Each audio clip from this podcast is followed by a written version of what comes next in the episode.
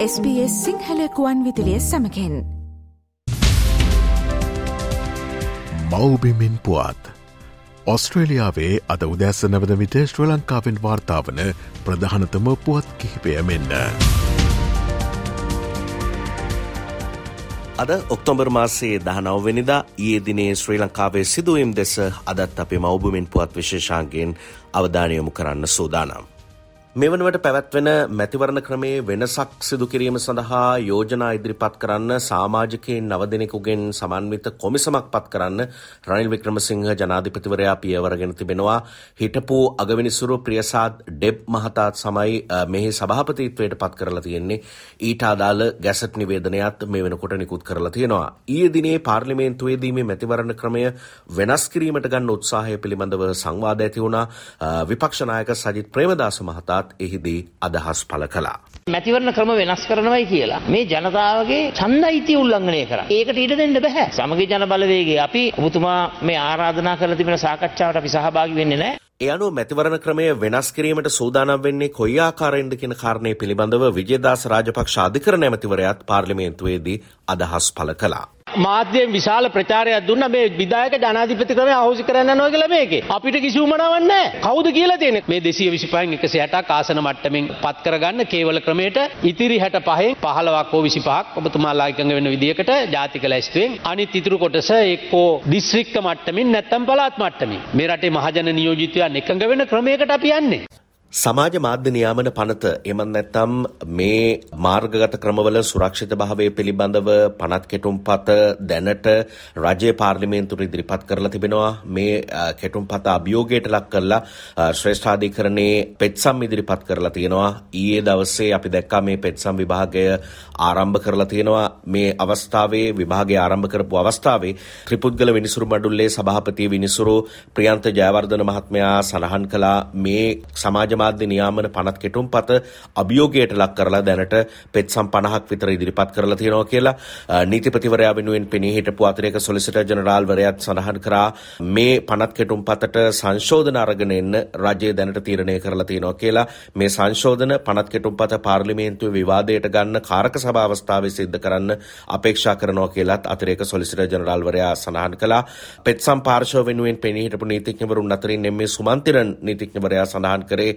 මේ පනත් කෙටුම් පතට සිද්ධ කරන්න යෝජිත සංශෝධන මොනවද කියලා නීතිපතිවරයා අධිකරණය හමුවේ ප්‍රකාශ කරලා නෑ කියලා. ඒ අනුව මේ වන විට මේ සමාජ මාධ්‍ය නියාමන පනත් කෙටුම් පතට එරෙහිව ඉදිරිපත් කරපු පෙත්සම් විභාගය ආරම්භ කරලා තියෙනවා ඊයේ දිනේ ඒ විභාගය ආරම්භ කළා. පොලිස්පතිවරයාට සේවාදිගුවක් ලබාදීම පිළිබඳව ආයමත් සංවාද ඇතිවෙලා තියෙනවා. රනිල් වික්‍රමසිංහ ජනාධිපතිවරයා සිඩි වික්‍රමරත්න හිටපු පොලිස්පතිවරයාට තවත් සතිතුරක සේවාදිගුවක් ලබා දීලා තියෙනවා. මේ සේවාදිගුවට ව්‍යවස්ථාදායක සභාවේ අනුමැතිය හිමි නොවීම කැපී පෙනෙන සිද්ධියක් බවට පත් වුණා. මෙහිදී රාසමානිකම් ශානක්‍යන් රාසමානික්‍රම් දෙමළ ජාතික සඳහනේ නියෝජනය කරන පාර්ලිමේන්තු මන්ත්‍රීවරයාත් පාර්ලිමේන්තුවේදී ඒ පිළිබඳව අදහස් පළ කළා. දැන් පොලිස්පතිවරයාගේ පත්වීම නීති විරෝධී එක පිළිගන්න බෑ කියලා ව්‍යවස්ථාදායක සභාවේ අනුමැතිය නැහැ කියලා එක කණ්ඩායමක් කියනවා. ව්‍යවස්ථාදායක සභාවද ජනාධිපතිවද කියලා අපිට වැඩක් නැහැ. කවුද පොලිස්පති? මෙවැනි ක්‍රියාමාර්ග නිසා ඉදිරියේදී ජාත්‍යන්තර මූල්‍ය අරමුදල වැනි ආයතනවල සහයෝගයක් අපිට නොලැබීමට ඉඩ තිබිය හැකි බව සමගි ජනබලවේගේ නියෝජනය කරන අශෝක් අබේසිංහ පාර්ලිමේන්තු මන්ත්‍රීවරයාත් පාර්ලිමේන්තුවේදී අදහස් පළ කරමින් සඳහන් කළා. ව්‍යවස්ථාදායක සභාවක් පත් කළේ මේ රටේ යහපාලනයක් ඇති ගන්න. ඒක තමයි ජාත්‍යන්තර මූල්‍ය අරමුදල කියන්නේ. ව්‍යවස්ථාදායක සභාව නීතියෙන් ගන්න තීන්දුව විධායක විසින් වෙනස් කරනවා. මේක ඉතා විශාල ප්‍රශ්නයක්. දිටිදී තවත් ප්‍රශ්නයක් තියෙනවා. ජාත්‍යන්තර මූල්‍ය අරමුදලේ දෙවෙනි වර්ගය තව තවත් කල්යයි මෙන්න මේ වගේ ප්‍රශ්නවලදී සේවාවන් කිහිපයක් තවදුරටත් අත්‍යවශ්‍ය සේවා විදියට ප්‍රකාශයට පත් කරලා අතිවිශේෂ ගැසට් නිවේදනයක් නිකුත් කරලා තියෙනවා. ජනාධිපති රනිල් වික්‍රමසිංහ මහතාට පැවරිලා තියෙන බලතල ප්‍රකාරව තමයි මේ ගැසට් නිවේදනය නිකුත් කරන්නේ. අත්‍යවශ්‍ය සේවා ලෙස ප්‍රකාශයට පත් කරලා තියෙන මේ සේවාවන් අතර විදුලි බල සැපීම සම්බන්ධ සියලු සේවා කනිජ තෙල් නිෂ්පාදනය සහ ඉන්ධන සැපීම බෙදා හැරීම මීට අදාළ සේවා රෝහල් සාතු නිවාසවල බෙහෙත් ශාලාවල ඊට සමාන වෙනත් ආයතනවල රෝගීන් නඩත්තු මතු කිරීම පිළිගැනීම රැකවරණය පෝෂණය කිරීම ඒත් එක්කම ප්‍රතිකාර කිරීම සම්බන්ධව අවශ්‍ය ඕනෑම තත්ත්වයකට අදාළ සේවා මේ අත්‍යවශ්‍ය සේවා බවට පත් කරලා තියෙනවා මහජන ජීවිතය සාමාන්‍ය ලෙස පවත්වාගෙන යාම සඳහා අවශ්‍ය අත්‍යවශ්‍ය වන මේ සේවා අවහිරයක් බාධාවක් නැතිව ක්‍රියාත්මක කිරීම සැලකිල්ලට අරගෙන මේ ගැසට් නිවෙදන නිකුත් කරලා තියෙනවා කියලා තමයි සඳහන් කරලා තියෙන්නේ.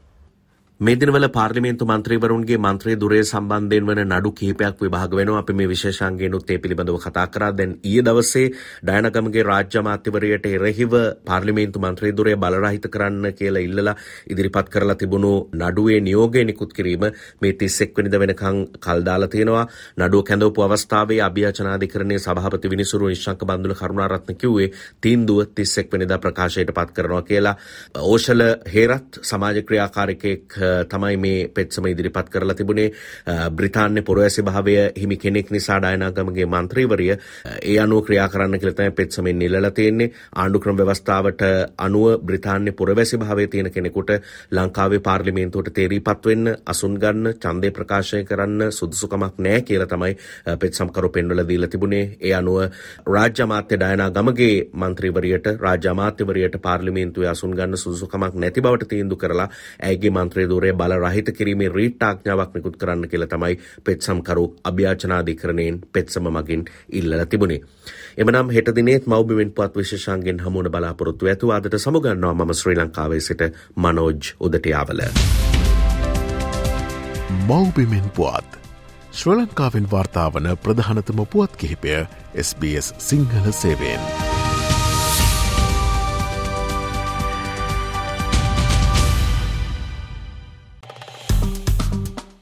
ලයි කරන්න ෂයා කරන්න අදහස් ප්‍රකාශ කරන්න SBS සිංහල ෆස්බුක් පිටුව ෆලෝ කරන්න.